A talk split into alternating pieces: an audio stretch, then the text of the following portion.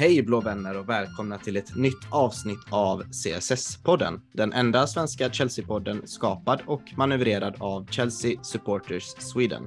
Den enda officiella svenska Chelsea-supporterföreningen med platinamedlemskap i Chelsea FC. Så gå in och bli medlem och eh, bli en del av den svenska Chelsea-familjen tycker jag om du inte blivit det än. Eh, gillar du att lyssna på podden och tycker du att vi gör eh, bra content här så lämna gärna fem stjärnor på eh, Spotify eller Apple Podcast eller de andra podcastapparna ni använder. Det hade vi varit jättetacksamma över. Och vi kan även tipsa numera att gå in och prenumerera på våran Youtube-kanal också ehm, för att hitta mer content där. Och självklart gå in på våran svenska fans och läsa alla härliga krönikor, matchrapporter och eh, krönikor som är skrivna av vår fantastiska eh, CSS-redaktion.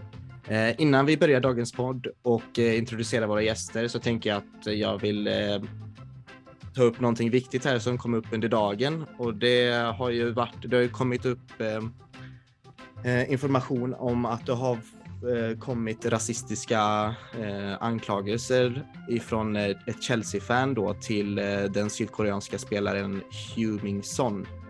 Eh, och eh, det är ju självklart fruktansvärt och jättetråkigt att vi eh, vi ska behöva höra sånt igen och att vi ska behöva eh, berätta om detta och prata om detta och att ingenting eh, utav detta tas på allvar. Eh, men det verkar som att klubben Chelsea tar detta på ett jättestort allvar och de kom ut idag med ett eh, väldigt eh, starkt statement. Så jag tänker att jag läser upp den här för er. Chelsea Football Club finds any form of discriminatory behavior totally abhorrent. It has no place at Chelsea or in, in any of our communities. Chelsea FC has consistently made its zero tolerance position on discriminatory behavior very clear. Yet there are still idiots like this that attach themselves to this club and so-called fans, inom citattecken, which shames Chelsea FC, our coaches, players, staff, and our true supporters. We are investigating this incident and if identified, this individual will face the strongest action from our club. Eh, väldigt starkt statement och att man använde ordet idiots och eh, termen så kallade fans inom citattecken eh, gillar jag. Att eh, man talar klarspråk och att man inte kanske pratar för formellt och byråkratiskt eh, utan att man går och pratar från hjärtat.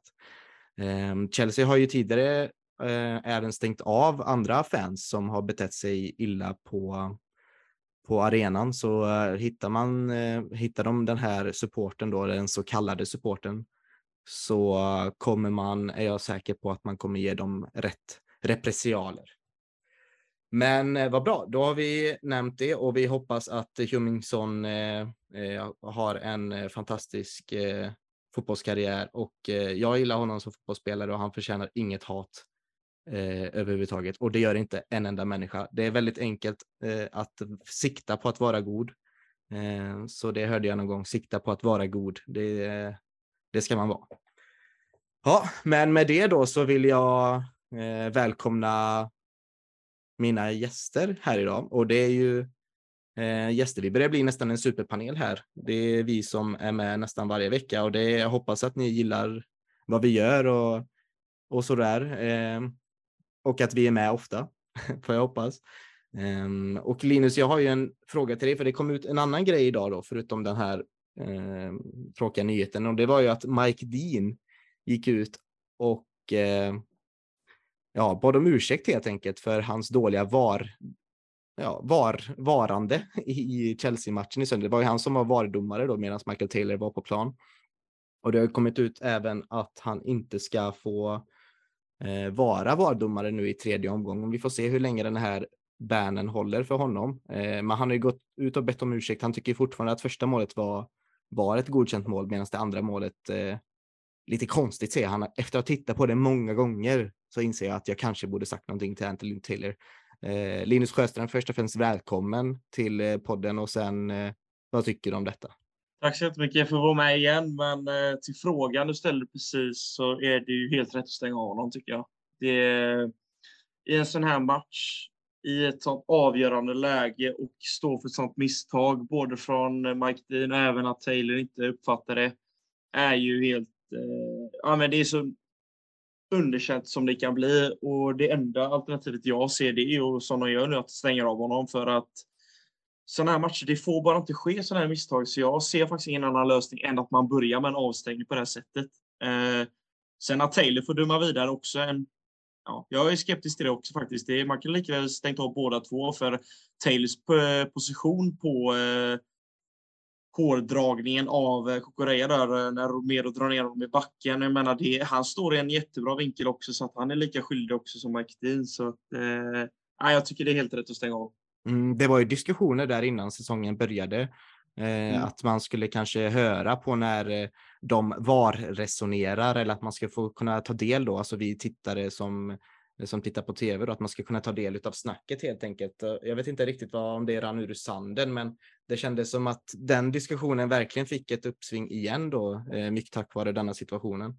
Och jag tycker precis som dig, varför ska inte de bli varför är de så skyddade? Du vet, det är ju de och målvakter som är skyddade i fotboll. Mm. Liksom, varje, det är domare och målvakter. Ja. Ja, och jag menar, det, det är som sagt en situation som Chelsea blir rånade på tre poäng. Mm. Och eh, speciellt som vi Chelsea-fans då känner att vi gjorde en sån jädra bra match. Och inte få ta med de här tre poängen vidare, det känns ju ännu jobbigare.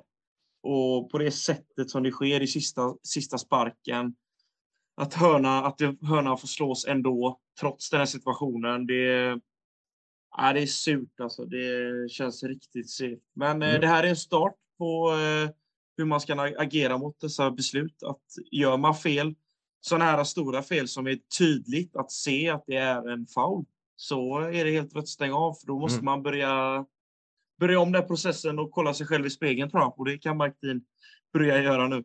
Vi kommer gå in lite djupare på händelsen när vi snackar ner matchen. Eh, Temmes, jag tänker lite nu, du, du är ju våran eh, transferguru där. Vi har ju våran egna transferguru. Det är ju väldigt lyxigt att ha det.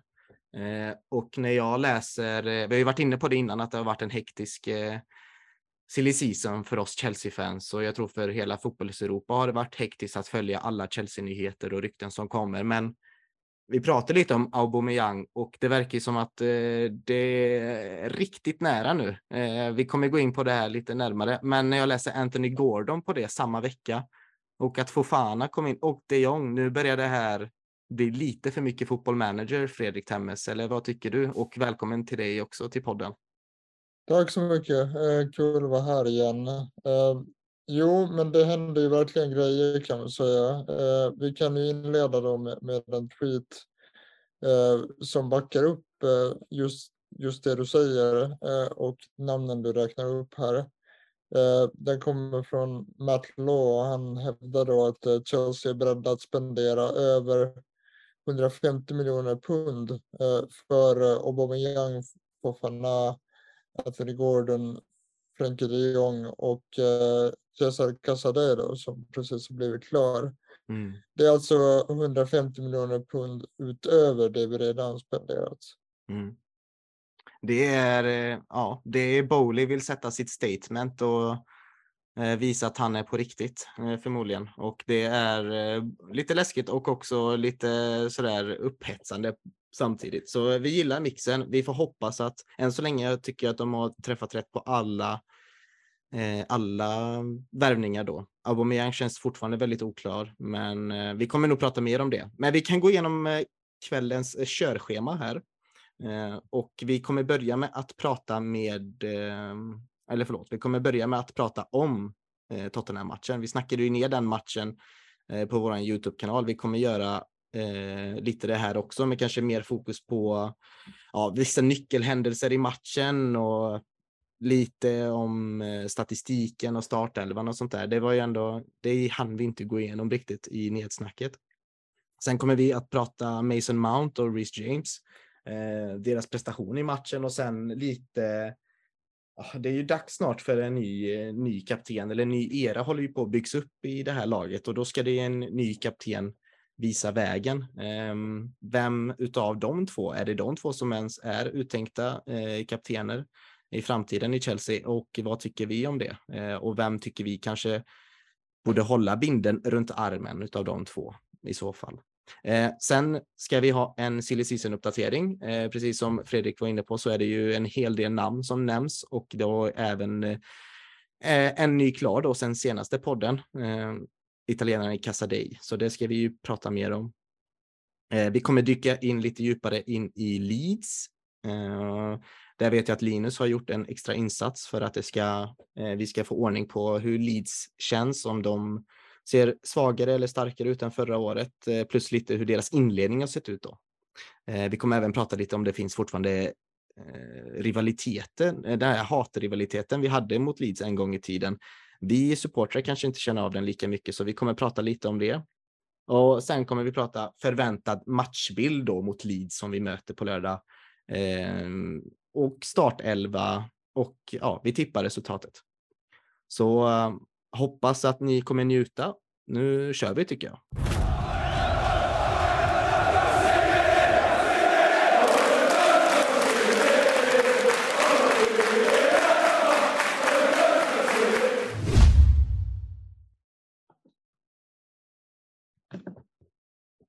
Ja, då hade vi ett eh, London-derby i sördags att eh, både njuta av och att bli frustrerade av.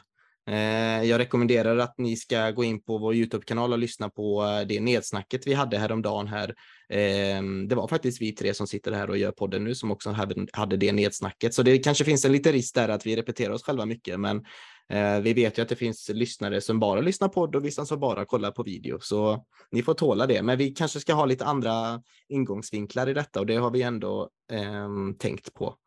Eh, vi kan börja förutsättningarna för matchen var ju ändå att eh, Chelsea hade inte förlorat mot Tottenham de sju senaste matcherna och vi hade bara släppt in en, ett mål eh, mot dem också. Vi hade sex vinster och en, eh, ett kryss hade vi. Eh, och eh, vi vet ju också att Tottenham har väldigt svårt att vinna på på Stamford Bridge. Deras senaste vad var det, 37 matcher och eh, hade de bara vunnit en match eh, på Stamford Bridge och det var 2018 och de vann 3-1 mot oss där på våren. Eh, ja, det var ju förutsättningarna och jag, jag var ju lite skeptisk till, jag minns att jag tippade eh, matchen innan 2-2 då. Du tippade ju 2 1 till eh, oss. Eh, Temmes, du tippade ju 2-1 till Tottenham eh, och jag tippade 2-2 för att hålla balans där och vi kände någonstans att det skulle bli en sån här riktigt het derbymatch och det blev det ju. Det kan man verkligen säga att det blev. Eh, känslorna svallade och det är så. Det är precis så ett, ett derby ska vara och speciellt ett sånt där hatmöte som det är mellan Chelsea och Spurs. Det var ju dels den här Eh, Eh, ytterst märkliga situationer med, med Kukureyas hår och inte minst eh, de här dusterna mellan eh, Thomas Tuchel och Antonio Conte som verkligen gav, gav en mer smak till, till matchen. Och jag, jag kände därför första gången egentligen att jag, jag själv började, började liksom känna hur det bubblade i kroppen av, av avsky mot eh, Antonio Conte som jag, som jag alltid har, har tyckt om i alla år. Men där så där sjönk han verkligen i mina ögon. Speciellt eftersom han, han är då, eller man kan säga att de provocerade varandra, men sen spelade bo, sen tonade båda ner eh, händelsen på, press, på presskonferensen och i intervjuer. Mm. Men sen samma kväll så, så gick ju Antonio Conte Eh, ut på, på sina Instagram stories och sa att eh, det var synd att han inte såg Tuchel när han kom springande längs sidlinjen för då hade han kapat honom. Ja, det är så barnsligt. Det. det. är så barnsligt alltså.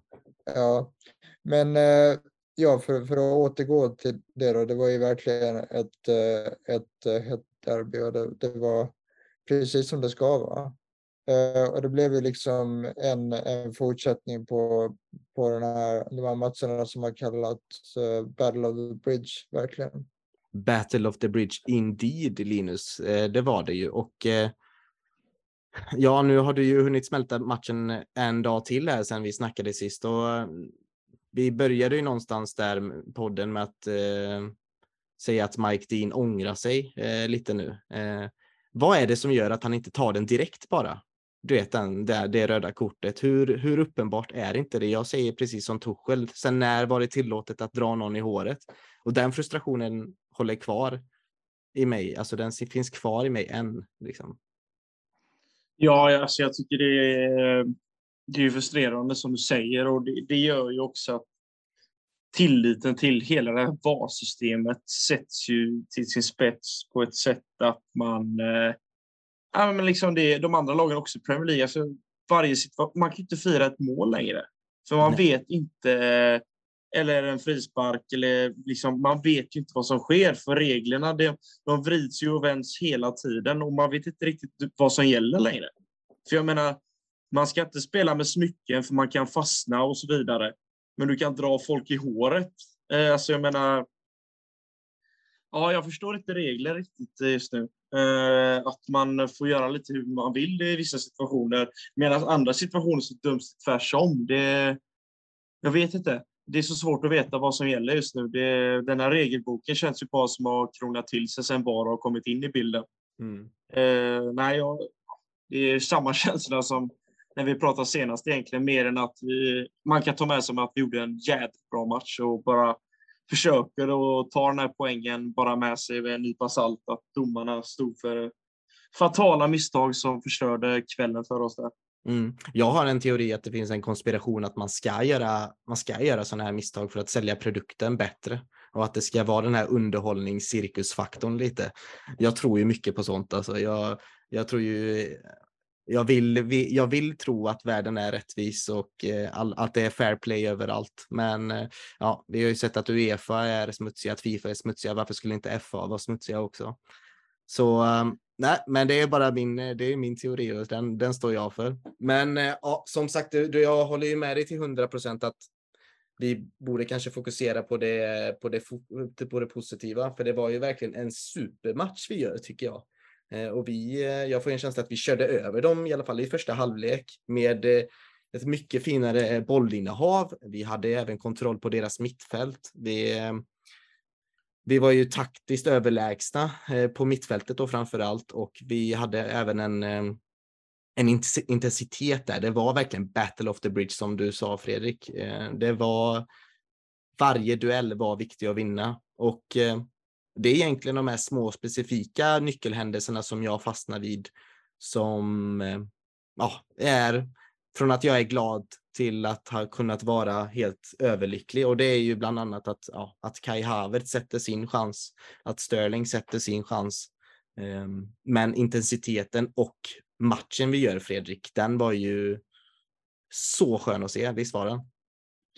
Verkligen. Eh, det var ju Eh, fullständigt otroligt och jag, jag har inte varit eh, lika stolt över laget sen, sen, vi, sen vi mötte Real på Bernabéu. Det var ju en, eh, en fullkomlig, fullkomligt formidabel insats, speciellt i första halvlek som du är inne på, där vi verkligen hade full kontroll på skeendena och, och Tottenham hade ingenting i princip.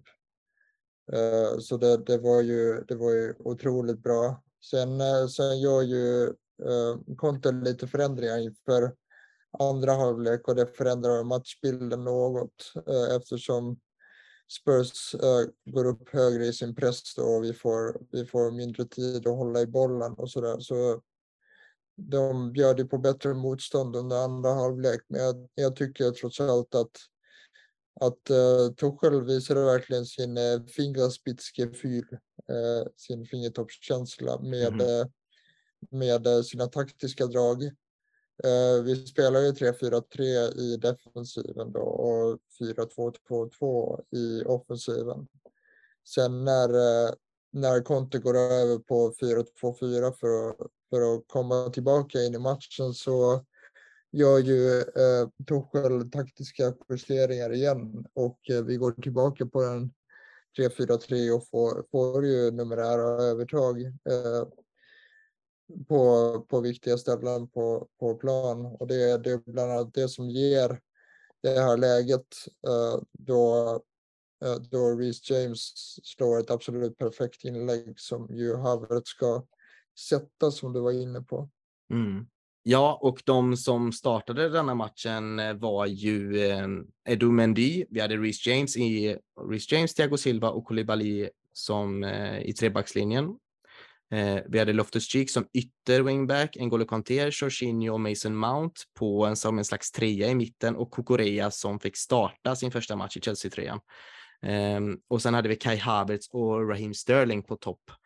Eh, och eh, Sterling fick ju också göra sin hemmadebut där på Stamford Bridge. Det var ju kul att se tillsammans med Koulibaly. Eh, och ja, precis som du var inne på Fredrik Hemmel så hade det var en mer flytande formation denna matchen och det var ju precis så vi spelade ut Tottenham att det blev en fyrbackslinje när när Rich James egentligen droppar upp och Loftus-Cheek hoppar in i mittfältet. Ja, kan du berätta lite mer hur, hur, hur, hur vi faktiskt gjorde det? Eh, det var ju precis som du sa att eh, vi gick över på en eh, 4-2-2-2 när vi när vi hade bollen och Reece James går ut som en klassisk högerback egentligen medan Ruben Loftus-Cheek blir, blir mer som en extra mittfältare. Ehm, sen kan man ju säga det också att Eh, Mason Mount hade en eh, taktisk eh, nyckelroll här. För som man ofta gör så, så droppade han ju ner och hjälpte till att vinna mittfältskampen när vi, när vi började försvara. Då. Och sen, sen rent offensivt så spelar han lite mer som en åtta, vilket passar honom bättre och är hans allra bästa roll. Han flöt ju omkring där och var väldigt duktig på att, på att hitta fria ytor och var var ständigt spelbar i dem. Det blev ju lite räknefel för, eh, för Spurs i de momenten eftersom deras mittfältare hade fullt sjå med, med våra två eh, innermittfältare då. Så den som hade uppgift att eh, ta hand om Mount var ju Romero som ju var, var eh, mittback och det, det var lite obekvämt för honom minst sagt. Så det, det var också en sån här detalj som jag tycker är väldigt viktig. Mm. Vi spelade ju i kvadraten runt deras mittfält kändes det som ibland då när Conte, Jorginho, Loftus-Cheek och Mason Mount eh, spelade mer eller mindre kvadraten och vissa sekvenser. Det är jättefint att se, men eh, det leder inte till så många målchanser. Det är ändå bara tre skott på mål och Jurist tvingas bara göra en räddning, Linus. Vad, eh, vad tycker vi om det? En räddning, det är inte tillräckligt bra. Nej, det är ju lite det där vi pratade om innan med just Chelsea och skapa de här riktigt farliga lägena. Visst, vi har vissa lägen som är på väg att bli riktigt stora målchanser, till exempel det Tembes var inne på med Kahavets-läget där. Den går ju utanför eh, målramen så att den ska ju egentligen sitta där på mål. Det är i alla fall det minsta jag kräver. Men eh, de vi står ju för en bra match, men eh, Tottenham är ju ett lag som eh, vi det ofta blir att vi styr spelet, men att lägena inte alltid sitter. Och om man kollar på de senaste matcherna vi gjort mot oss, så är det inga jättestora siffror gentemot hur vi spelar och hur mycket vi skapar. Så det är där som felet är lite, att vi inte riktigt når de här riktigt farliga chanserna mot Tottenham, skulle jag säga. Mm. Ja, det var ju en, en tittare och en lyssnare som eh, ställde ju den frågan där att vi brukar eh, vara lite, att vi spelar bra de här stora matcherna, men att vi inte riktigt kanske har marginalerna med oss. Och det, det var ju lidande i denna matchen med. Eh, någonting jag vill se utvecklas förutom att vi är lite mer kliniska, det är väl att kanske den intensiteten ska hålla ut eh, säsongen ut och även nu mot Leeds ser jag fram emot att vi att vi spelar bra. Det är ju där vi, det är där man gör framgång i ligan då, inte bara i kupper som Chelsea känt gör. Men vi kan eh, fokusera lite på um, Reece James insats i denna matchen, för jag tycker att han gör en lysande match och nu vill jag nästan eh, slå fast här att jag inte vill höra någon klaga på att han spelar höger inneback då, även fast han kanske gör sig bäst på höger wingback så är han otroligt nyttig att ha där när vi möter löpstarka anfallare som är, alltså som är genier på, på kontringsspel, det vill säga Liverpool-spelare, Tottenham-spelare. Jag tycker att han gör en enastående match eh, och tillsammans med Loftus-Cheek då kanske delad man of the match. Ja, och jag håller med dig helt och hållet. Och jag tänkte just det med James är att det bytet man gjorde inför den här matchen var ju helt rätt för att den fronttrion har gjort det bra för Tottenham och man vet ju att de även har kvicka spelare som kommer in från bänken. Så det var ett taktiskt val där Tuchel vann den kampen tyckte jag. Även om vi släpper in två mål så gör James en grym insats där bak som gör att vi även täpper igen väldigt bra tillsammans med Silva och Koulibaly såklart.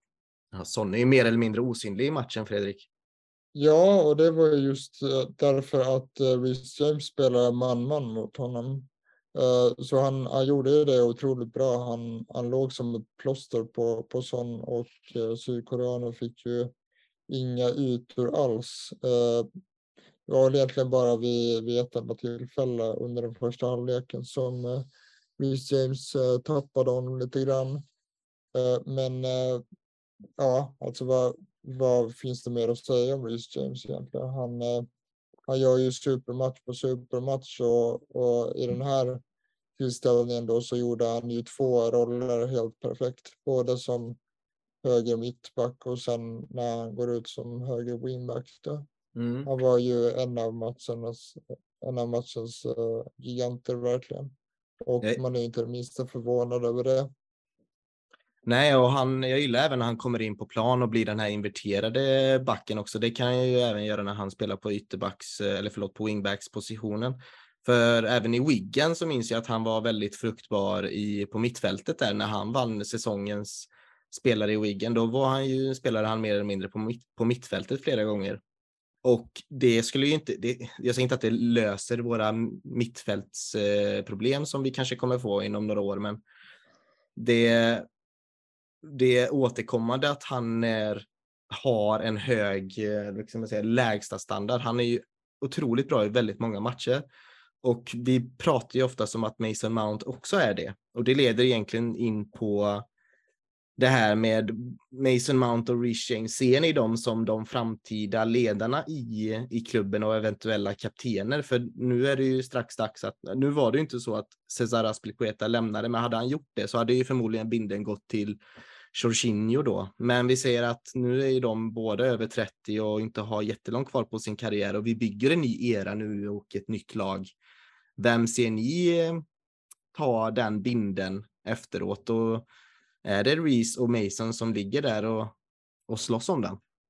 Ja, det håller jag med om. Det är bara att de ska skriva på sina kontrakt som vi hoppas att vi förlänger snart för att det är viktigt. Och det alla varit ett statement att förlänga med dem och så eh, därefter så är, kommer de vara respektive kapten och vice. För jag skulle nog föreslå James som kapten eh, för Mount på så sätt att jag gillar oftast när backar har binden på något sätt mer än offensiva spelare. Det är någonting med det där liksom Aspia har det nu och vi har haft Terry bland annat och Lampard var vice då och Mount tänker jag lite samma som Lampard, eh, Terry-sättet där.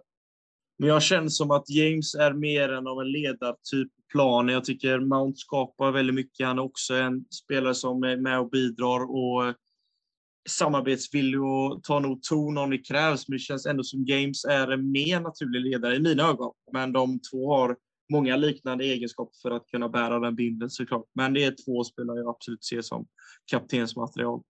Någon av dem kommer jag absolut att ta den och eh, som jag ser det så har de lite olika kvaliteter. Eh, det är precis som du säger Linus att, eh, att Rhys James, han, han har ju en, en otrolig aura på, på planen och liksom en, en attityd som, som det bara lyser om att han liksom är överlägsen allt och alla och är väldigt, väldigt orädd. Så han, eh, han är mer av en kaptenstyp på planen. Eh, med sättet han spelar. Eh, lead by example som man ofta pratar om. Eh, men eh, eh däremot så utanför planen så är han ju ganska timid och blyg som person. Åtminstone så får man det intrycket att han är, han är väldigt Eh, han är ganska tystlåten och, och tillbakadragen och, och, väldigt, väldigt artig. Liksom. Och det, det gäller ju Mount också, men jag, tyck, jag tycker att Mount gör ett bättre intryck i, intervjuer och är liksom en väldigt bra talesperson för, för klubben och hela kulturen. Så jag ser ju att de har att de, alltså de är ju kaptensämnen båda två, men på olika sätt. Personligen så, så lutar jag nog lite mer åt, åt uh, Reece James, men uh, för mig så känns det givet att uh, den ena kommer att ta, ta binden och den andra kommer att bli vice kapten. Mm. Och vem som tar vilken roll, det är egentligen sak samma. Men det är helt uppenbart att de kommer, de kommer leda det här laget in i framtiden. Mm. Och det, jag, jag får ju känslan att Reece James kan bli våran, våran Sanetti eh, just på den eh, som ytter som wingback. Det hade varit eh, riktigt vackert att se honom ha binden, men jag lutar lite mer åt Mount just för att lite som du var inne på att han är lite mer profilstark och lite mer av en Chelsea ambassadör, kanske utanför klubben. Och jag ser ju han oftast kanske vara mer den den som manar på gubbarna mest, men det behöver inte betyda att det, han behöver ha binden för det. Eh, Reece James, eh, precis som ni var inne på, leads by example. Eh, så nej, det är inte jättestor. Eh, det har inte varit jättestor chock om Mount får den eller om Reece får den, utan det är väl de två. Det, jag kan inte se några andra som skulle kunna vara redo för det, eh, förutom eh, ja, det är väl eh, Mandy i mål kanske. Han är ju rätt eh, Thiago Silva nu då, hur länge han har kvar, men sen den här nya generationen kommer ju handla om de här två spelarna och kanske någon mer som eh, kommer in, som Declan Rice när han väl kommer in. Eh, men eh, nej, jag, jag, om jag hade slängt, eller om, om binden hade legat på ett bord och de hade raceat fram till den och vem som vill ha den mest, så tror jag Mount vill ha den mest.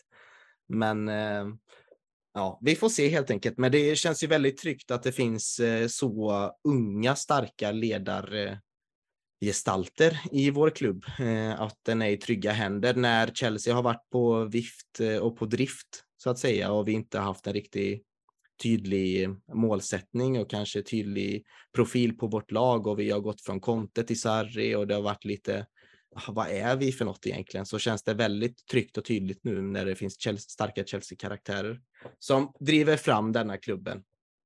Men eh, jag tycker att, alltså som sagt, om ni vill lyssna mer på vad vi tyckte om Tottenham-matchen så rekommenderar jag verkligen att gå in på vår YouTube-kanal där vi gör en lite mer utförlig eh, nedsnack eh, utav självaste matchen med hjälp utav tittarnas och lyssnarnas eh, kommentarer och funderingar. Ehm, jag tycker vi går vidare till eh, silly season eh, snack för Fredrik. Det händer ju så himla mycket där och jag tycker det är dags att vi vi, vi, vi pratade ju lite där i förra podden att vi kanske skulle ha en, eh, en silly season special.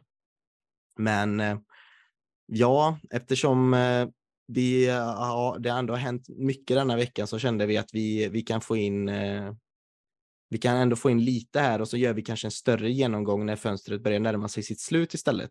Och eh, det känns väl okej okay för alla hoppas jag och att vi eh, ger en liten snabb uppdatering här istället. Så take it away Fredrik. Ja, vi kanske ska, ska börja med den spelare som, eh, som är eh, eh nästan helt klar. Eh, det handlar då om eh, eh Cesare Casadei eh, som är en eh, 19-åring från eh, Inters akademi.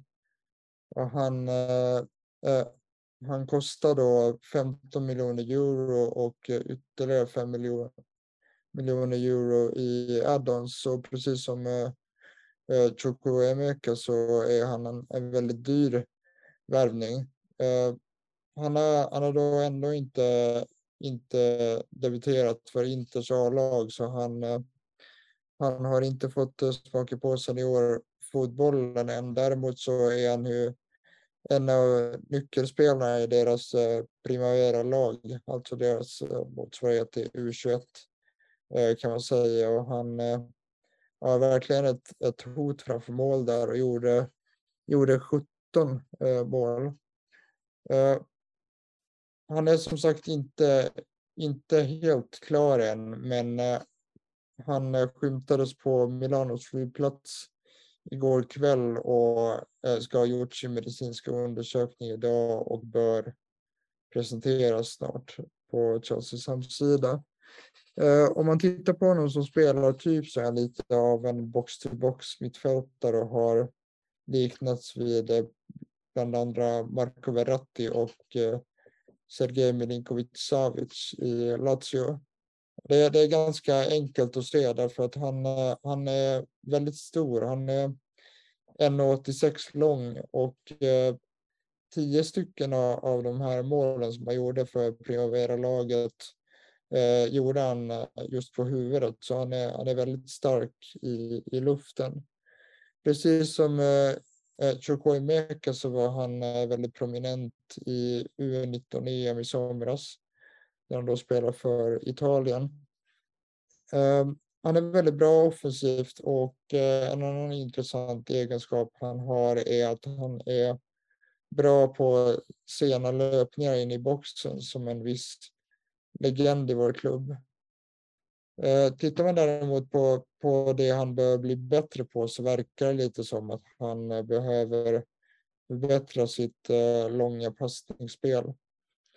Men eh, som sagt, han är nyligen 19 år fyllda och har ju verkligen framtiden för sig. Mm. Och vi, det är ju väldigt intressant där att vi även samtidigt som vi köper de här klara spelarna för att göra vår eh, elva bättre och vår trupp bättre så är det intressant att se att eh, Bowley och kompani eh, fokuserar på att få in eh, talang och bygga något nytt. Har ni några, vad har ni för tankar kring det och vad ger er en framtidshopp? Linus, vad, vad tycker du om detta? Nej, men det är en tydlig signal nu när han har kommit in som ny ägare, Todd Bowley, att eh, man bygger för framtiden och eh, det känns också något tryggt i det tänket att man inte bara skeppar in spelare som ska leverera, som kanske inte är eh,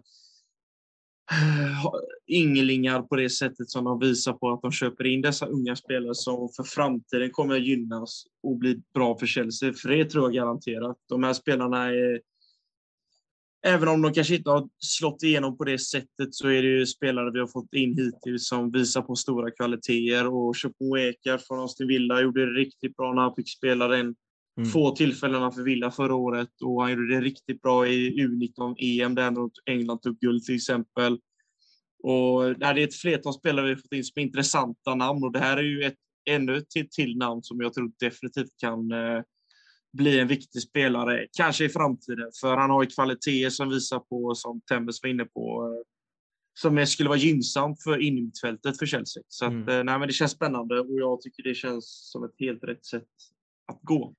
Det, var, det är ändå det är inga småpengar här. Det är ändå stora pengar eh, Chelsea lägger på de här unga talangerna, Fredrik. Och vad, vad känner du att om med den budgeten lagd så ser du någon annan ung juvel där ute i eller en oslipad diamant där ute på i fotbolls-Europa som du också hade velat se i ett nyare Chelsea?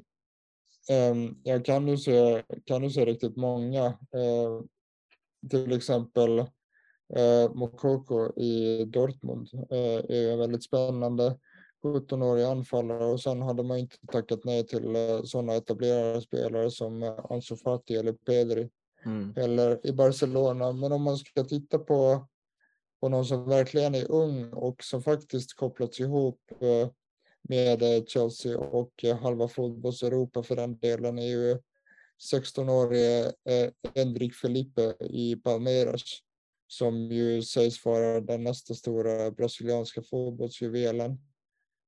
Men det, det blir väl lite längre fram därför att dels så kommer det bli en hiskelig dragkamp om honom. Han verkar ju ha en har en talang eh, lika stor som Neymar hade mm. när han kom fram och eh, brasilianska spelare får heller inte flytta förrän de har fyllt 18 så det är eh, det är ju ett tag kvar tills dess. Men honom ser jag, ser jag framförallt som en spelare som vi bör hålla ögonen på och verkligen göra vårt allt för att försöka knyta till oss.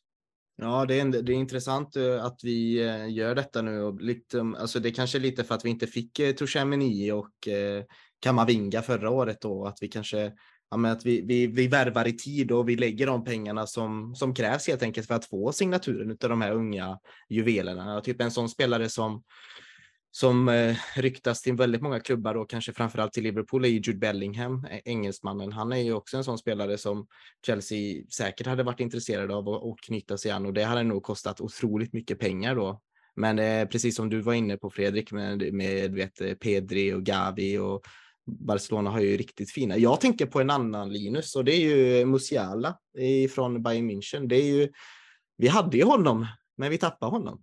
Ja, det är inte den första spelaren vi tappar som blir ett stort namn. Det kan vi ju rabbla upp en efter en. Men det är ju en talang som eh, skulle vi satsa på honom så är det ju över miljarden garanterat. Och det idag är Jude Bellingham ligger också över på det priset. Så att vill man ha en ung talang som redan slått igenom så får man ju punga upp miljarden. Det är ju bara så idag. Siffrorna ökar ju och eh, vi ser bara på de talanger vi plockar in nu. Även om det är jättebra talanger så är det ju fortfarande 200 miljoner, vissa av dem. Så mm. att det, det, är ju pengar som ska hostas upp, men eh, det är ju rätt väg att gå. Men visst, det hade varit en önskespelare spelare att få in, men eh, det är inga pengar jag vill att de ska lägga på nu kanske, för nu behöver vi få in lite fler spelare och då kanske man inte kan lägga miljarden på varje spelare, för då blir det, då blir det kostsamt för Todd mm. Bowley och hans plånbok. Vi köpte ju en generational talent vid namn Kai Havertz, så eh, vi, det, vi kan inte säga att Chelsea har tagit det lugnt på marknaden när det gäller till unga talanger. Nej. Men en, an, nej, en, annan spelare, Fredrik, det, är, det är ju ryktats om honom. Vi har ju nämnt honom innan i podden. Det är ju eh, Benjamin Sesko. Jag vet inte om du har det senaste kring honom, men det, var, det har varit snack om United, det har varit snack om Chelsea. Vad, vet du någonting? Nu vet jag, att, vet jag inte om du var förberedd kring honom, men Vet du någonting vad, vad som hände med honom? Jo, men eh, Benjamin Cesko kommer ju att gå till eh, eh, Leipzig nästa säsong. Det är, det är en deal som redan är klar faktiskt, så han är, han är förlorad till eh, Tyskland mm. redan. Eh, vi är däremot eh, ihopkopplade med en annan anfallsspelare nu och eh, det blir ju ett väldigt stort eh, åldersmässigt språng, men det är ju Pierre-Emerick eh, Aubameyang som är väldigt het eh, på marknaden just nu. Och eh, eh det senaste kring honom är då att, eh, att eh, vi ska ha lagt ett bud på 20, 27 miljoner euro eh, enligt eh, Gerard Romero till Barcelona då. Fabrizio Romano menar däremot att inget bud har lagts än. Något annat som är intressant eh, kring Aubameyang eh, kom ifrån eh, Ben Jacobs eh, idag och eh, han tror då att, eh, att Chelsea känner sig säkra på att eh, det här budet på 27 miljoner euro är någonting som Barcelona skulle komma att acceptera. Och eh, han sa också att eh, Chelsea ska ha, ett möte, ska ha haft ett möte med Aubameyang idag för att diskutera hans eh, kontrakt. Han menar vidare att eh, Oba fortfarande är i Xavis planer, men att eh, Tuchel ska ha pratat med honom själv och, och sägs vara övertygad om att han kommer att flytta. Eh, man ska säga det också att Fabrizio Romano backar de här uppgifterna om att eh, Chelsea har träffat Aubameyang idag bara rent spontant när jag hör det, känns inte det lite som lite för mycket pengar för honom? Jo, jag tycker att det, det är väldigt mycket för en, en spelare som är eh, 33 år, eh, verkligen. Men eh, Barcelona behöver ju pengar så att jag är inte alls förvånad över att de, eh, de vill ha så mycket. Sen får jag se om det faktiskt är det vi lägger. Eh, jag hade gärna sett en lånedeal, men det blir väl väldigt, väldigt svårt att, att eh, övertyga Barcelona om. Mm. Paul Merson satt ju i en fotbollsstudio i söndags efter, eh, efter matchen och sa att hade vi bara haft Ronaldo där uppe så hade vi ju ja, vi krossat allt motstånd. Eh, för vi, vi spelar så pass bra att vi behöver någon nya, en målgörare där framme. Och Linus, jag vet att du har eh, pratat om eh, eller förlåt, eh, Cristiano Ronaldo, att eh, ja, men du, du har ändå lekt med tanken. Kan du leka med tanken med Aubameyang också? Ja, absolut. Det är en spelare som har levererat tidigare i Premier League och gjort det riktigt bra för Arsenal. Sen är det just det, jag tänkte på det lite komiskt idag, jag såg en bild på Aubameyang att han har ju tatuerat in på kroppen eh, med bilden när han går ut med sina barn på Emirates. Det är ju lite sån krydda som bara spär på detta. Eh, skeptiska man har lite till Aubameyang-värvningen. Nej, skämt åsido, men eh, det är en spelare som vi vet kan göra mål och kom in i Barca i januari på ett mycket bra sätt och gjorde mycket mål och blev egentligen frånknuffad eh, från startelvan tack vare att de plockade in Lewandowski. Annars hade han ju garanterat varit, kunnat vara en startspelare för Barca i år mm. utan problem. Så att det är fortfarande spelare som håller hög kvalitet.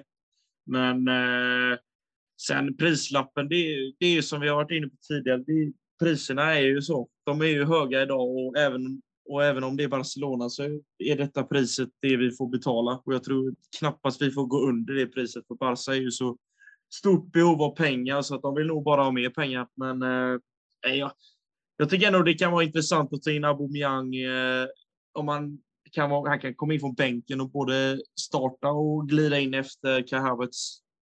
Mm. Men det är frågan om eh, vad, hur Torshäll tänker. Är det en startspelare? Men då hamnar ju Kai Havertz på bänken och då blir det lite det här problemet. När ska Kai Havertz få sin chans att bevisa att han kan? Mm. Så att, eh, men det, det, han kommer få speltid. Men det, det blir intressant att följa det här. Den kommer från, upp, från ingenstans egentligen, den här ryktet. Och nu har det ju varit igång i två veckor med detta. Så att, eh, det blir intressant att se om affären hamnar i eh, hamn. Mm. Ja, det är som Magdalena Andersson säger, det är ju Putinpriser detta. Och en annan som också sägs bli väldigt dyr då som är, eh, jag vet inte riktigt om han är nära Chelsea, för det känns lite som vi har hamnat i ett lite dödläge, eh, Fredrik. Det är ju eh, Wesley Fofana. Vad händer med fransmannen och hans eh, signatur? När kommer den? Det har hänt lite grejer ändå. Ehm, det sägs ju enligt bland annat, bland annat Fabrizio Romano då att han är överens med Chelsea om ett sexårskontrakt. Men det, det, har man haft på känn att det är väl inte riktigt det som har varit problem med, med den här dealen, utan det är ju att Leicester sätter sig emot. Eh, Chelsea har redan lagt eh, två bud och eh, fått nobben på dem. Det pratade vi om redan förra veckan i, i podden. Nu är det flera källor som uppger, uppger att nästa bud kommer ligga på ungefär 77 miljoner pund.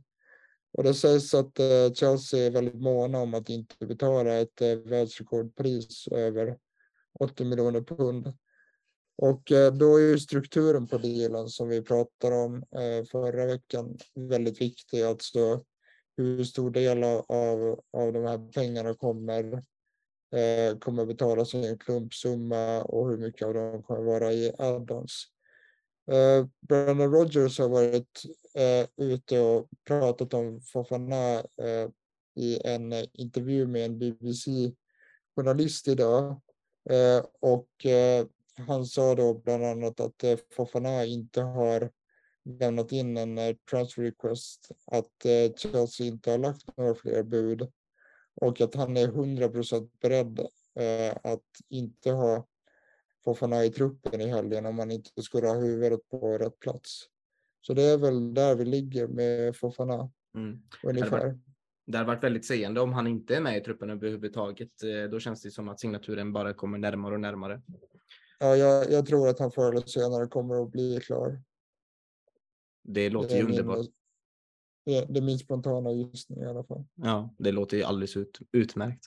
Ja, en spelare det har verkligen blivit tyst kring det är ju eh, Frankie de Jong då. Eller tyst och tyst, har ju, han har ju ändå spelat eh, La Liga-matcher och han har fan, vilket jävla intryck han gjorde när han blev inbytt nu i helgen och ja, jag tycker han är alldeles en fantastisk spelare. Ju mer, ju mer jag tänker på det, desto mer och mer vill jag ha honom till min klubb. Men eh, det känns mer avlägset nu än någonsin. Ja, man kan väl säga i alla fall att det har inte hänt, eh, hänt någonting egentligen, utan eh, allt är fortfarande upp till eh, Frenkie de Jong själv. Och han eh, sägs ju fortfarande vilja stanna i Barcelona. Och eh, det kommer, det kommer inte hända någonting förrän han eh, eventuellt eh, förändrar sin inställning. Då. För det är först, det är först när Chelsea fått indika, indikationer på att han skulle kunna tänka sig att flytta som han kommer ja, lägga ett officiellt bud på Barcelona. Mm. Och att komma överens med dem är inget problem. Utan nej, det här handlar om Frenkie de Jongs egen vilja helt enkelt och den ska respekteras. Vi har ju en till spelare nu som har dykt upp eh, denna veckan och eh, innan Fredrik, du berättar mer om, eh, om Anthony Gordon då, så vill jag höra vad Linus, vad, vad är dina bara spontana känslor när du läste riktigt för första gången? Skulle, ser du honom i en Chelsea-tröja? Första spontana tanken var ju att det inte är en spelare jag känner som ska in i det här laget, för jag tror inte han hade... Det, det, det är spelare som gjort det bra i Everton under Lampard. Givetvis sen Lampard kom in så gjorde han det riktigt bra, men jag ser fortfarande inte att detta är en spelare som kommer leverera på en hög nivå i Chelsea-tröjan. För jag tror pressen där är ännu högre och jag tror att det kan bli en sån värvning som bara hamnar man hamnar på bänken, får sina chanser, ser, ser lite spännande ut men kommer inte leverera de poäng som krävs. Vi behöver spela där fram som gör poängen och jag vet inte om Gordon hade lyckats göra det i Chelsea. Så där var jag skeptisk för det är ingen klar produkt på det sättet. Han, jag tror att han behöver några år till i Everton och eh, bara försöka blomstra ut på Goodison och det tror jag definitivt han kommer göra. Men eh, jag vill inte se han i Chelsea redan faktiskt. Men Fredrik, ligger det någon, eh, ligger någon, eh, eller ligger det någon sanning i de här ryktena? Ligger det något, liksom, finns det substans i ryktena överhuvudtaget? Kan du berätta mer? Det gör det definitivt. Eh, det har ju bekräftats av bland andra Matt Law då. Och enligt flera pålitliga källor så har ju Chelsea lagt ett bud först på 40 miljoner pund och sen 45 miljoner pund för Anthony Gordon. Eh, det ryktas om att Everton vill ha 50 miljoner pund, men det är oklart om eh, Chelsea kommer att möta den, den värderingen. Eh, däremot så är, är ju klubbarna fortfarande i kontakt med varandra.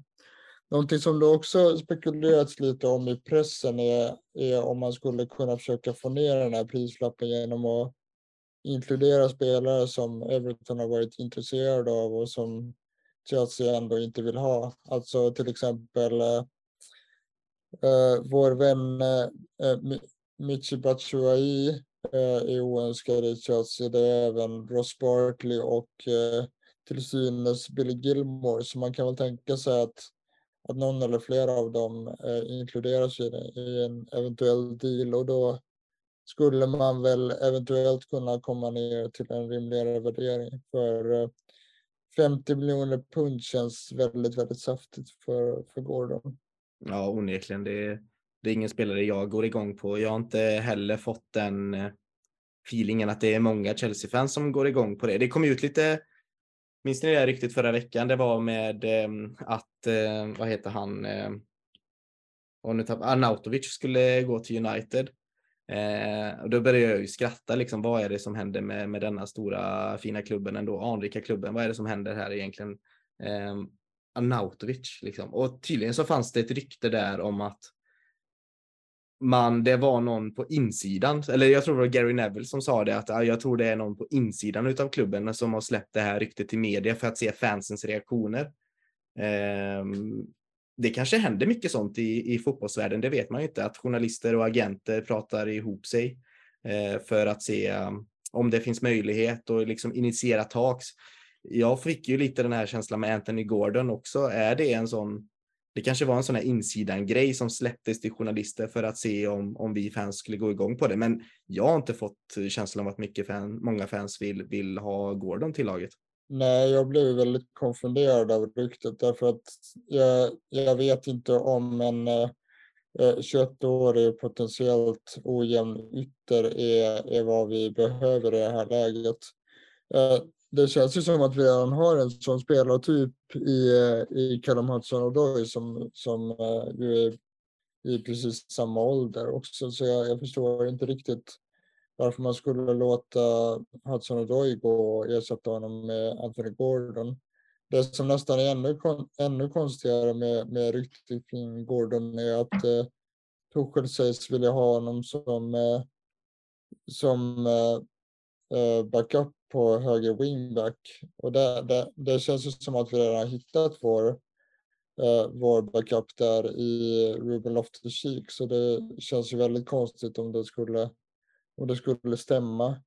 Jag är inte helt förtjust i det här eh, ryktet, men det verkar ju som att, som att klubben faktiskt vill ha honom. Annars så tror jag inte att det hade eh, rapporterats av en så eh, trovärdig journalist som Matt Law till exempel. Så det finns nog absolut substans i det här, men det, det känns spontant som en konstig värvning. Ja. ja, jag slår vad om en öl att det här eh, ryktet eh, kommer dö ut eh, lika fort eh, som det kom fram. Eh, det är en sån, även fast det är metla och substans så tror jag Chelsea-fansens eh, röst eh, har gjort sig väldigt tydliga här och jag tror inte klubbledningen vill värva något som inte vi vill ha.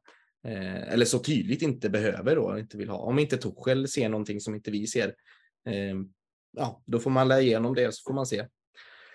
Men har vi något annat eh, där på ingång? Eh? Ja, det har vi. Eh, vi kan först säga att det finns ytterst lösa uppgifter om spelare som Pedro Neto och Wilfried Zaha till exempel. Men det, det, är så pass lösa rykten fortfarande så att vi, vi kan låta det bero ett tag. Mm. Sen kan vi också kort säga att det ryktas om att Chelsea vill förlänga Thomas Tuchels kontrakt med ytterligare två år. Och hans eh, nuvarande deal går ju ut 2024 eh, så det skulle innebära i så fall att han skulle stanna till 2026. Eh, mm. Och när det gäller ytterligare förlängningar så, så har det ju faktiskt kommit uppgifter om nya kontrakt för Rich James och Mason Mount.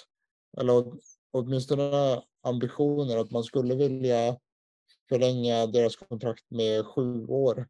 Vilket skulle innebära att, att de blir kvar i, i klubben under eh, ja, fram tills att de blir 30 helt enkelt. Och det tror jag är någonting som alla Chelsea-fans skulle välkomna med öppna armar.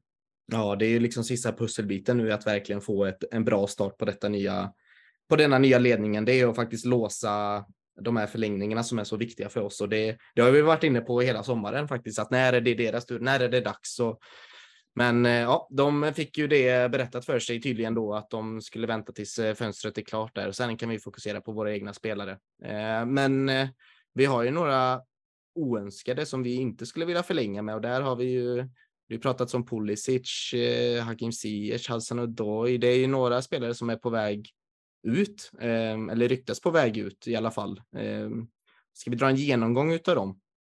Ja, precis. Det är ju det är eh, just de här eh, tre som du nämner som varit mest på tapeten den, eh, de senaste dagarna egentligen. Och eh, ett av dem är ju att eh, Man United sägs vilja låna in Christian Pulisic, vilket ju spontant känns som, som en, en konstig idé.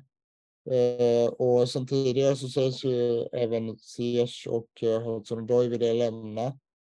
Eh, en annan klubb som är intresserad av både Pulisic och Hudson Odoi är eh, Newcastle. Och jag tror att det kan finnas någonting i det därför att i samband med att det rapporteras om det intresset så såg vi Amanda Stavely Eh, den här kvinnan då som är en del av konsortiet som äger Newcastle. Hon var ju på plats eh, i Directors-boxen på Stamford Bridge. Så kanske hade hon och eh, Todd Bowley några samtal där, det, det vet man inte. Um, och ja, om jag skulle säga mitt om, om, om de här utryckningarna så, så kan jag säga att är det så att Man United vill ha Christian Pulisic så kör jag honom gärna till eh, Manchester själv om det skulle behövas. Däremot så, så tycker jag inte att vi ska gå med på en lånedeal. Det känns väldigt märkligt för en spelare som ju har två år kvar på, på kontraktet. Och jag, jag tror egentligen att det bästa, bästa för alla parter är att bryta där. Och jag tror att det är samma sak med Ziyech också. Det har ju främst ryktats som ett lån där också, men jag tycker att vi borde trycka på att verkligen försöka sälja av de här spelarna permanent nu. Mm. För att få in lite cash för, för de, de pengarna som vi, som vi har uh, lagt ut. Hudson Odoi däremot vill jag, vill jag gärna bara se lämna på lån i så fall. Mm. Uh, till sist så kan man säga också att uh, Marcos Alonso eh, Eh, har ju varit på väg till Barcelona länge, men den försäljningen är fortfarande inte klappad och klar. Den har alltså inte, inte presenterats officiellt av klubbarna i alla fall, men eh, vad det lider så hamnar han väl där när Barcelona har löst sina registreringsproblem, skulle jag tro.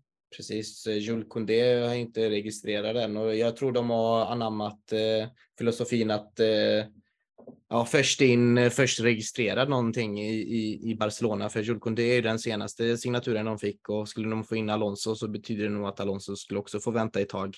Med, eh, men nog om det, det, är ju, det verkar ändå mer eller mindre också klart att han kommer lämna på något sätt. Eh, sen får vi se hur Barcelona löser det. Men utav de här Pulisic, eh, Hakim Ziyech och Hudson Odoi då känner jag väl, jag är väl nästan på samma spår som dig Fredrik. Jag hade velat låna ut Hudson Odoi. Eh, det känns nästan konstigt att han inte har blivit utlånad innan. Eh, Hakim Ziyech hade jag velat sälja. Pulisic hade jag faktiskt velat behålla. Eh, och det hade jag mest velat för att jag har sett hans eh, enorma potential. Och jag, har, jag tyckte han var en av våra bästa spelare under Lampard. Um, och för mig skulle han starta varje match. Och jag vet inte, det gifte sig så jäkla bra med att vi har en amerikansk ägare och eh, Christian Pulisic där. Men eh, det har inte riktigt, eh, det har inte riktigt klaffat så bra under Tuchel. Ehm, frågan om det Nej. någonsin kommer... Nej. Det, det, är väl just det. Och liksom, hur länge sedan var det vi såg den där potentialen egentligen? Han var ju fullständigt sagolik under Project Restart, men sedan dess har det varit eh, start stopp i princip. Mm. Uh, och det är precis som du säger att uh, han har inte varit, varit bra alls under Tuchel och Tuchel har ju dessutom Ja, det, det, har ju rapporterats och han, han själv har sagt det att han ser ju Pulisic framförallt som en, som en, en impact sub. Ja, men knäcker alltså, inte det honom? Knäcker inte det honom tror du? Alltså, är det inte, vill man verkligen höra det? Är det inte? Uh, ja, nej, det, det, kan du säkert göra och han vill ju såklart spela för att vara, form, vara i form till, till VM då. Mm. Uh, och det kan man ju förstå, men jag, jag, tycker inte han har presterat tillräckligt mycket uh, på lång tid nu för att uh, förtjäna kontinuerlig speltid. jag tycker till exempel att han att han under sina inhopp här nu eh, i de inledande matcherna inte har visat någonting alls som eh, övertygar mig om att, om att han plötsligt kommer explodera. Han har ju varit i klubben ett bra tag nu och jag, jag Nej, jag tror inte att det är rätt miljö för honom. Jag ser honom inte bomma ut i Chelsea. Mm. Det är klart att jag, jag blir gärna motbevisad om det, men äh, jag ser inte det på Pulisic. Vad, vi bjuder in Linus här utav de här tre. Vad tänker du när du behåll, sälj, låna? Vad, vad känner du kring de här tre spelarna? Ja, alltså det är spelare jag kan tänka mig att de kan lämna utan att jag blir direkt ledsen eller så. Och Pulisic har varit ett ämne vi har diskuterat väldigt mycket i podden. Eh, sen han, sen han kom in i klubben har han ju varit upp och ner hela tiden och ständigt varit den här spelaren som äntligen ska slå, slå igenom varje säsong. Så gör han två matcher bra och så tror man nu är han på gång. Och så blir det en skada eller så blir det dålig form. Så det är en spelare jag har känt stor frustration över och jag har alltid velat att han ska lyckas. Men han får ju aldrig riktigt det här genombrottet. Så det är ju en spelare som man på ett sätt hade unnat att han lämnat vår klubb och blomstrat ut någon annanstans. För man ser att det är en, det är en spelare med fina, eh, fina förmågor och kunna dra sin motståndare. Men i Chelsea-tröjan så är det inte alltid att det klaffar. Det finns ju många spelare och Werner var också ett sådant exempel. Jag tycker att han och Pulisic påminner lite av varandra. Att, eh, man vet vad de har i sig, men de kan tyvärr inte leverera i den blåa tröjan. Så, så enkelt är det.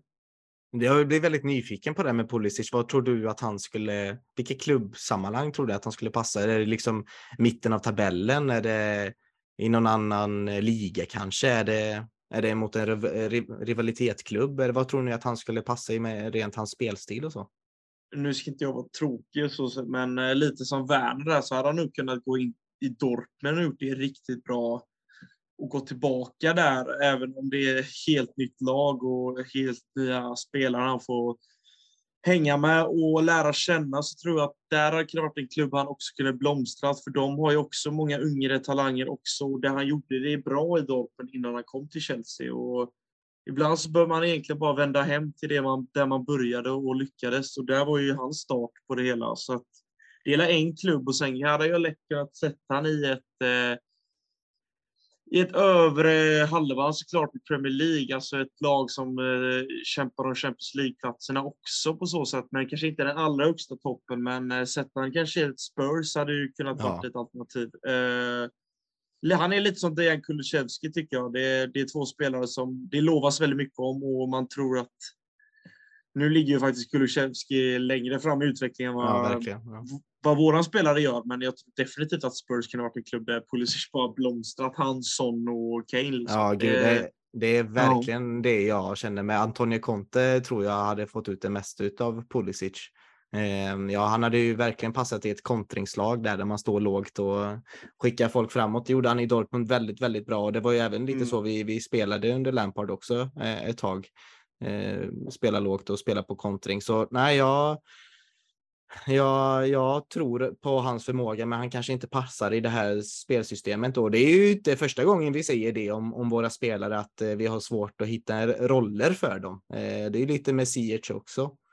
Eh, där och där Ziyech känner jag att nej, men eh, tack, eh, men eh, nej tack liksom. Eh, det gick inte. Det var bara en misslyckad värvning mer eller mindre. Även fast han har en fantastisk vänsterfot så känns det inte alls som han passar in i, eh, i vårt lag. Liksom. Även han, han kan göra, han har gjort snygga mål. Eh, han har gjort väldigt vackra assist, men det är någonstans det inte riktigt klaffar. Liksom. Han skulle passa, han passar inte i detta tempot. Nej, vi har ju pratat väldigt mycket eh, i podden också och eh, den som har, den som har lyssnat på, på de tidiga avsnitten vet ju vad jag tycker om Ziyech. Ja.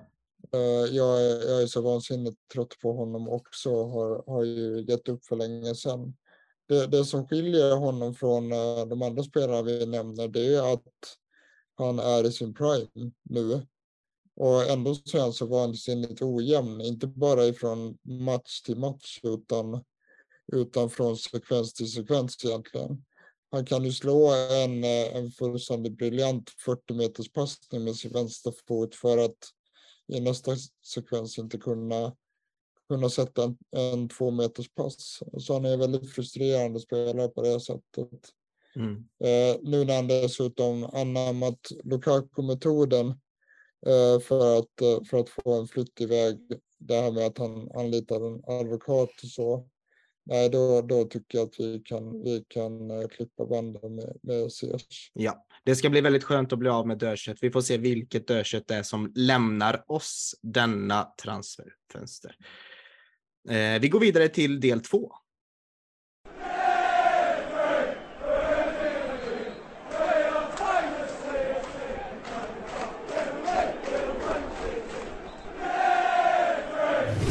Ja, men då stundas eh, match eh, mot Leeds på Elland Road söndag klockan tre. Ehm, och mot, eh, ja, det är väl vår gamla antagonist Leeds United. Eh, inte riktigt samma rivalitet som det en gång var, men det är ändå, finns ju ändå lite hat där mellan supportrarna, speciellt mellan de gamla supportrarna. Men det, är ju en väldigt intressant klubb, Leeds United nu, framför allt vad som har hänt ehm, med, ehm, med Bjälsa när han lämnade och vi har ju vår fina och eminenta Linus Sjöström här som ska ha dykt in lite djupare i Leeds United och lite hur, hur de ser ut och vad Jesse March har gjort med laget och vilka spelare som kommit in, vilka som har lämnat. Vi vet ju om att Rafinha har lämnat. Han var ju nära vår klubb men valde Barcelona. Och eh, ja, vad, vad är tempen Leeds United eh, nu sådär eh, den 18 augusti? Ja, det, först och främst kan man ju börja säga att det är ett svårt lag att sätta på Stryktipset. För att, eh, nej, men det, det, är ett lag som eh, jag på förhand har eh, tippat så att åka ner faktiskt. Det, det saknas kvaliteter på många positioner och eh, då, jag, jag personligen tycker inte riktigt om att de har fått in de här ersättarna som är de här tyngre namnen som gör så att de kommer klara sig klar, kvar i Premier League. Eh, man såg det i slutet på förra säsongen, även om Jess March klarade sig kvar med Leeds så var det med nöd och näppe. Och det fanns mycket som eh, så många frågetecken och få svar tyckte jag och inför den här säsongen så blev det inte enklare att man blev av med framförallt Rafinha och Calvin Phillips.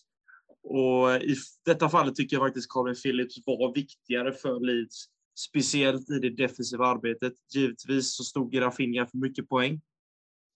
Men det är två namn som kommer saknas otroligt mycket för Leeds. Och i det pressspelet Bielsa spelade så var de här två spelarna väldigt viktiga.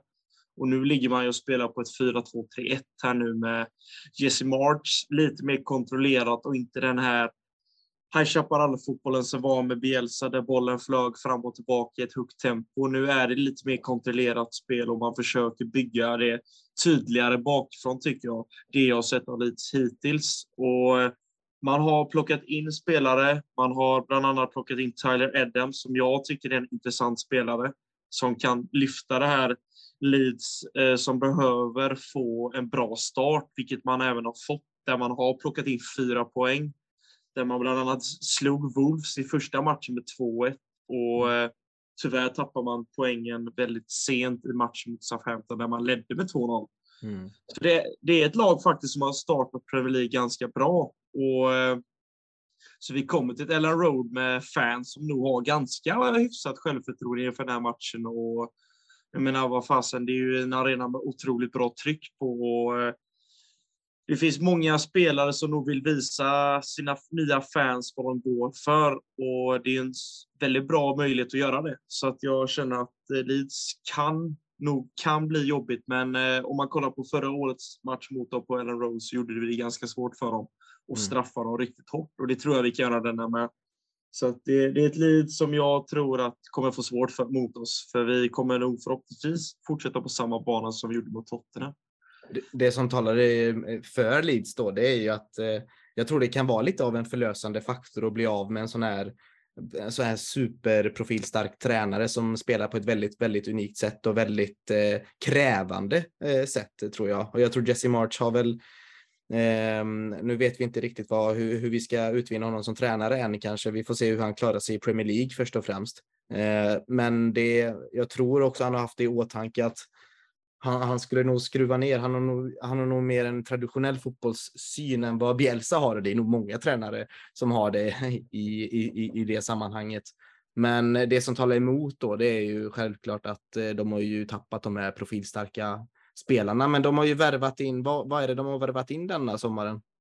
Ja, som jag var inne på, då är det Taylor Adams från eh, Leipzig som jag tror kan tillföra mycket på mittfältet.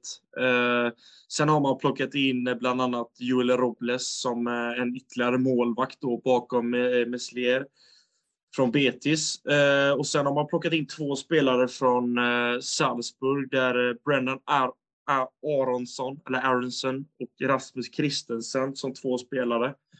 Och det är inte jättenamnstarka namn eh, som man har egentligen plockat in. Det är mer av eh, mediokra spelare som kan lyfta, det vet man inte. Men det är inte något av de här tyngre namnen som de hade hoppats på. Men eh, det är ett lag som eh, kämpar hårt för varandra har man ju sett hittills på säsongen och kommer definitivt göra det mot Chelsea. Mm. Men en, ett stort bakslag var ju att Bamford utgick efter 26 minuter mot Southampton här senast och är tveksam till start. Och ska vi gå in lite mer på den här skadelistan så är det ju några spelare som saknas från, eh, för Leeds, som är de här tyngre namnen.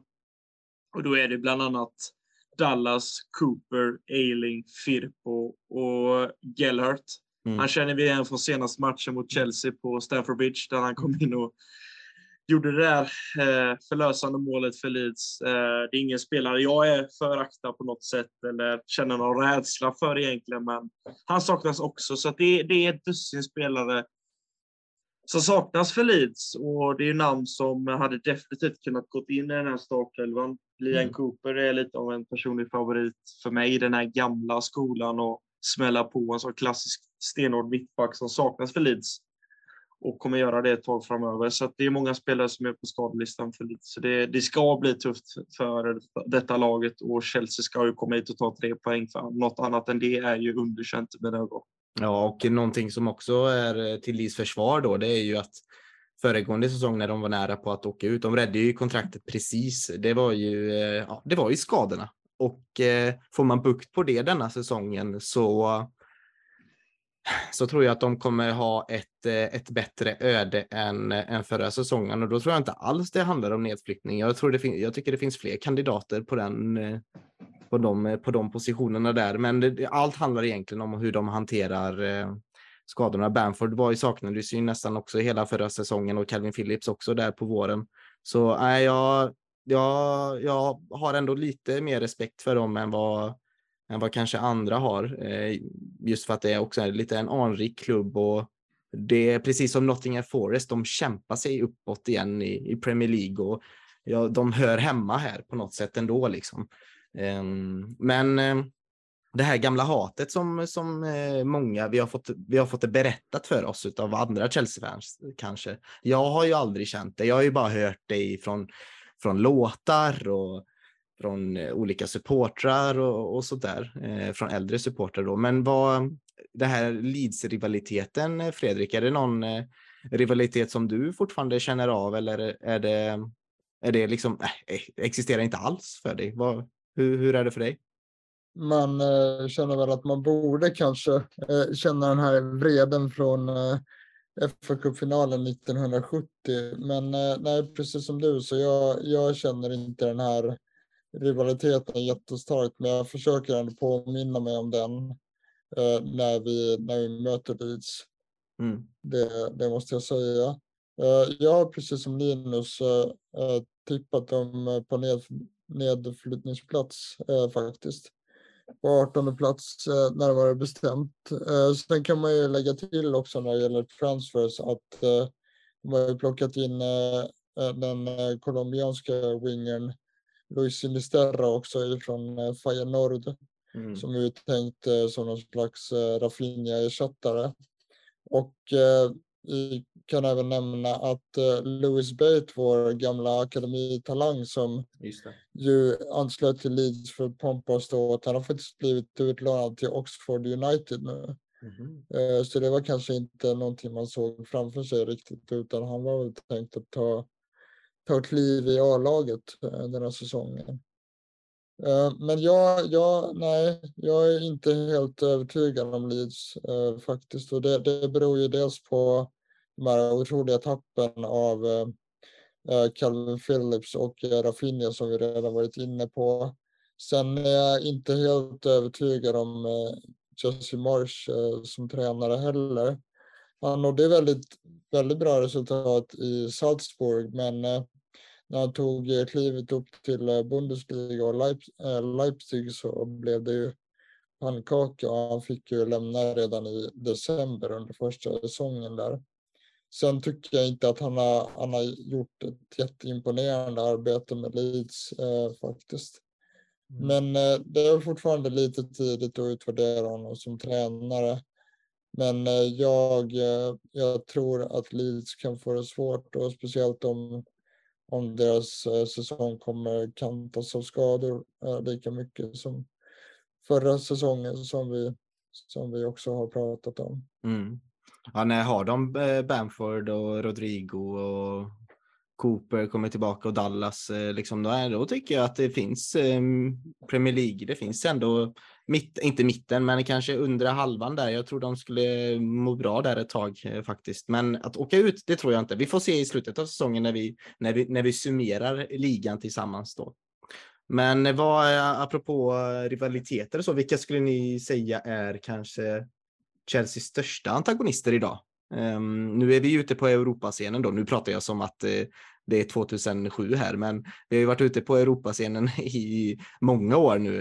Um, i 30 år uh, nästan. Och så vi, vi har ju ändå fått nya antagonister som i Barcelona.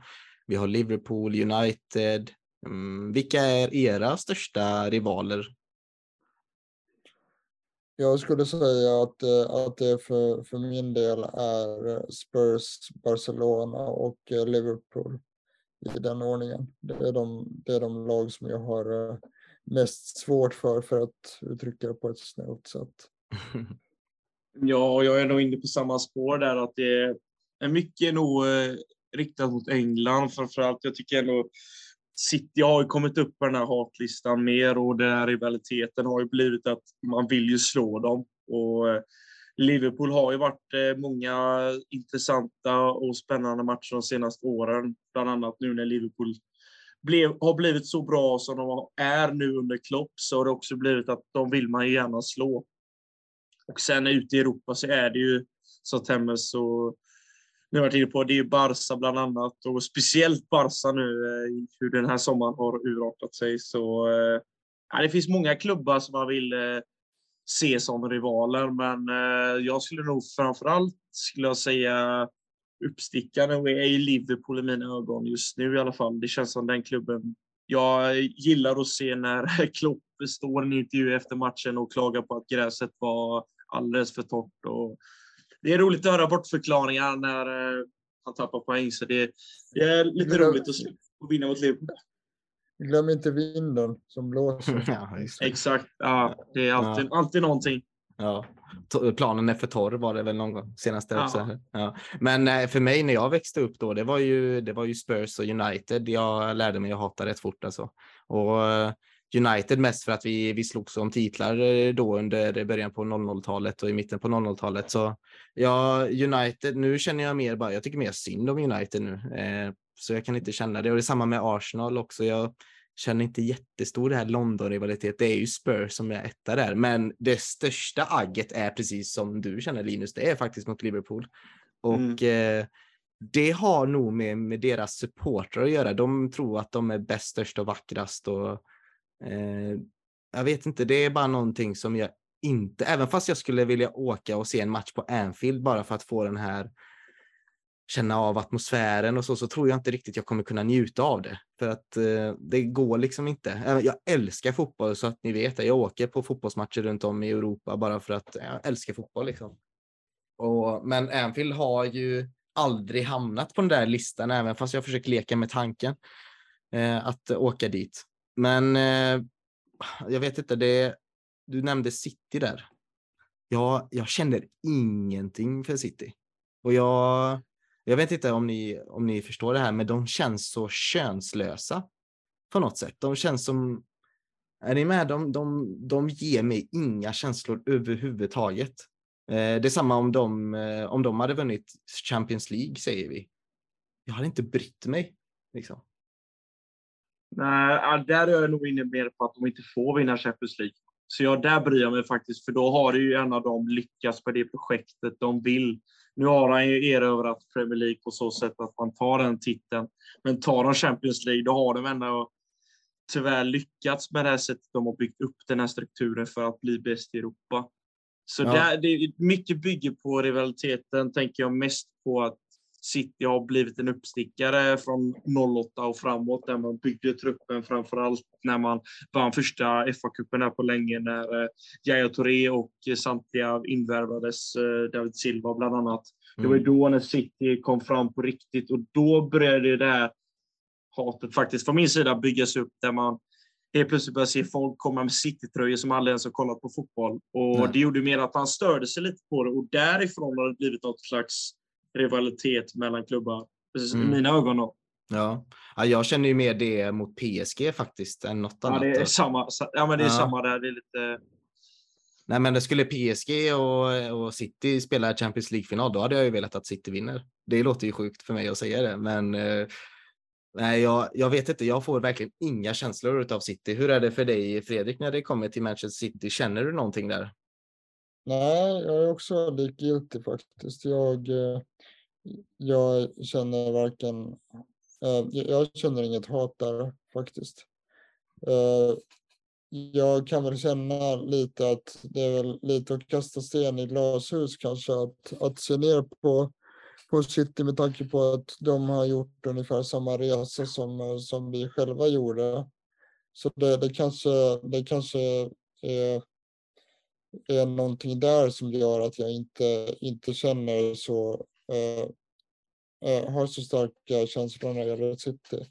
Mm. Sen, eh, sen ogillar jag däremot eh, Pep Guardiola väldigt mycket eh, som supporter, men det, det är en annan sak. Det beror mest på hans, eh, hans kopplingar till Barcelona då. Ja, alltså Barcelona, det är, det är från den överbrödmatchen det kommer eller är det ännu tidigare? Nej, det, det är ännu längre tillbaka faktiskt. Eh, men vi, vi kan fördjupa oss i det i ett annat avsnitt, men, men eh, det, det är inte enbart överbrödmatchen utan det, det börjar väl egentligen redan, redan 2006, 2007 där någonstans. Just det.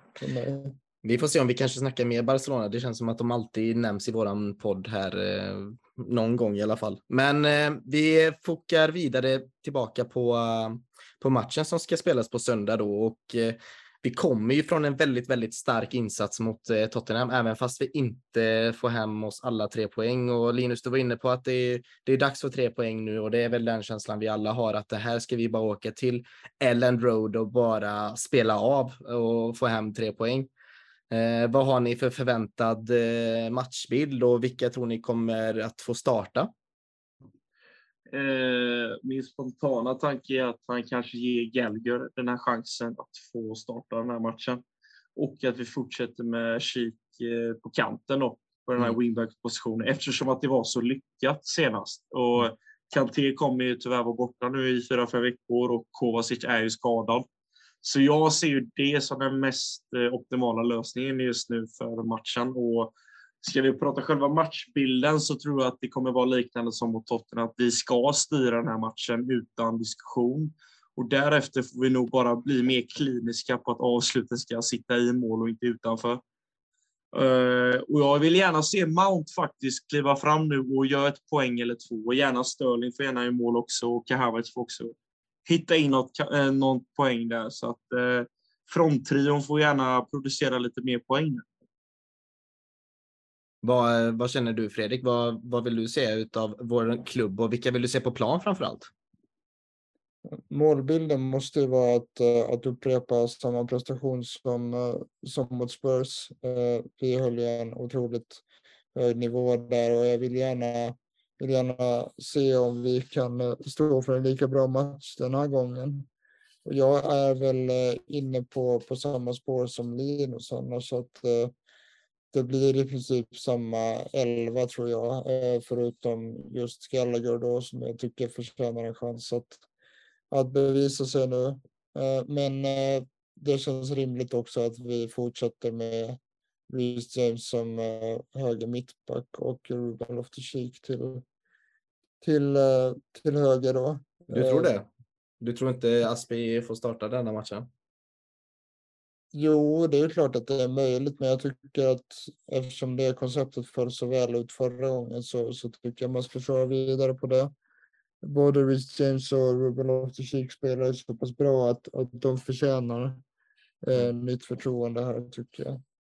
Eh, och matchbilden är precis som, som Linus sa också, att vi ska ju styra den här matchen, men jag tror att vi kommer, vi kommer nog sättas under högre press eh, av, eh, av Leeds eftersom eh, Marsch ju är, är stöpt i den här österrikiska tyska fotbollen med hög, hög egenpressing och så där. Så att det tror jag att vi kommer, kommer eh, utsättas för. Eh, men eh, jag jag tycker att, att uh, vi, ska, vi ska vinna den här matchen med, med, med ett par mål, bara vi kan, uh, bara vi kan avsluta. Mm. Uh, däremot så tror jag inte att det är så enkelt att bara ställa ut skorna, utan det krävs ju att man gör jobbet också. Men så länge vi gör det så ska vi ta tre pinnar här, absolut. Precis, det är ju sådana här matcher man känner att man vill bara ha någon målgörare där framme som man känner sig trygg med, som kan avgöra tuffa, tuffa bortamatcher i Premier League. Liksom, du vet Stoke en tisdagkväll. Liksom. Eh, det är de här matcherna man, man behöver den. En Diego Costa eller en eh, Didier Drogba som kan dänka dit den så att vi får lugn och ro. Men eh, vi hade ju lite skador där på mittfältet. Vad tror vi om eh, den här unga spelaren från Aston Villa som vi värvade, Chukwuemeka. Tror ni han får en plats i, i truppen eh, denna matchen? Ja, jag tror definitivt att han kommer få med, finnas med i matchtruppen eh, på bänken, men eh, jag tror inte man kommer starta honom. Men han kanske får, beroende på matchbilden, tror jag han kanske kan få lite speltid i andra halvlek om, vi, om vi kanske leder med 2-3-0. Eh, om det hade varit så väl så tror jag definitivt att han kunde fått lite, lite speltid. Men annars tror jag att han kommer vara placerad på bänken för då tror jag att eh, blir det blir matchbilden något helt annat så kanske man flyttar in Ruble of the Shake i mitten och eh, tar in Aspi och trycker upp James i banan. Men mm. eh, ja, det beror lite på hur matchbilden urartar sig. Det hade varit kul att, att se han att han tar en bänkplats i alla fall. Det visar ju, det, kommer, det är en bra antydan i alla fall att han är på riktigt och att Torshäll Tuchel gillar honom. Eh, och eh, vi pratade ju om Marco Correa förra, förra, både förra podden och nedsnacket här, att han gjorde en strålande insats. Vi har inte pratat så mycket om honom idag, men han gjorde ju en, en jättebra match i, i, i söndags mot Tottenham. Och han fick ju spela alla 90 minuter och han hade ju en presskonferens här häromdagen där han eh, mer eller mindre hyllade eller gillade läget med rivaliteten med, med Chilwell och han berättade även att Chilwell har hjälpt honom att eh, ja, akklimatisera sig lite i klubben till och med. Så det är skönt att se att Chilwells inställning är helt rätt till detta. Och ja, det ska bli intressant nu denna säsongen. Eh, nu leker vi med tanken att båda håller sig friska. Eh, det ska bli kul att se vem som tar den den eh, startplatsen så att säga. Eller om, om det blir mer Guardiola-mönster där man du vet, växlar beroende på, på form och fys fysisk form. Men tycker ni Kokorea förtjänar att starta igen eller ska vi ge Chilwell chansen? Nej, jag tycker absolut att Kokorea är värd ytterligare en, en start med tanke på vilken fin match han gjorde mot uh, Tottenham. Och vad gäller det långsiktiga perspektivet så tror jag inte att någon av dem kommer cementera en, eh, en permanent startplats utan vi kommer nog få se ständig rotation mm. mellan de två. Eh, och vi kommer även säkert att få se Okoreia i andra roller också, som vänster mittback och längre fram till exempel. Så Chilwell kommer, kommer säkert få sin speltid ändå. Och jag är säker på att vi kommer se båda spela samtidigt i, i en del matcher. Mm. Jag, jag, kan bara instämma i det Fredrik säger här att eh, det kommer växlas väldigt mycket, men det är ett sånt lyxprogram som jag varit inne på tidigare som man vill ha nu när man har konkurrens på positionerna och har man två sådana duktiga vänsterfötter på den sidan så är det bara en bonus i mina ögon. Mm. Än att man har en Malang Sarr som var förra säsongen, han och Alonso. Nej, men precis. Ja. I, I, mina ögon vinner man inga titlar med två av den kalibern, om man säger så. Så att de här två alternativen är ju mycket mer hotfulla för att skapa ännu mer lägen framåt. Det känns verkligen tryggt. Har ni något, eh, vill ni tippa resultatet? 3 Chelsea. Chelsea. ta det en gång till. Fredrik, vi tar din först. 2-0 eh, till eh, Chelsea. Mm. Linus? Jag tror det blir 3 Vi släpper in ett sent mål. Men annars så leder vi match med 3-0 och tar hem tre poäng till The Bridge. Mm. Och då säger jag 4-0 till eh, Chelsea och Sterling får äntligen göra mål. Um, han har fått lite för mycket, men han gjorde ändå poäng förra uh, matchen, så han ska han ska nu få göra mål. Jag tror 4-0 och att hela England eh, kommer säga att det är vi som är titelutmanarna till City och inte Liverpool. För de eh, verkar inte veta hur det är att vinna fotbollsmatcher denna säsongen, än så länge i alla fall. Men eh, med de orden och den hoppfullheten så eh, vill vi tacka att ni har eh, lyssnat på podden och vi vill framförallt tacka er eh, som har varit med här, panelen nu då. Eh, Fredrik, tack för att du har varit med. Tack så mycket. Det är givande diskussioner som alltid. Härligt. Nu ska vi säga att det spelas in väldigt sent här och vi är lite trötta, men vi, vi har fan gjort det bra här tycker jag. Visst har vi gjort det Linus?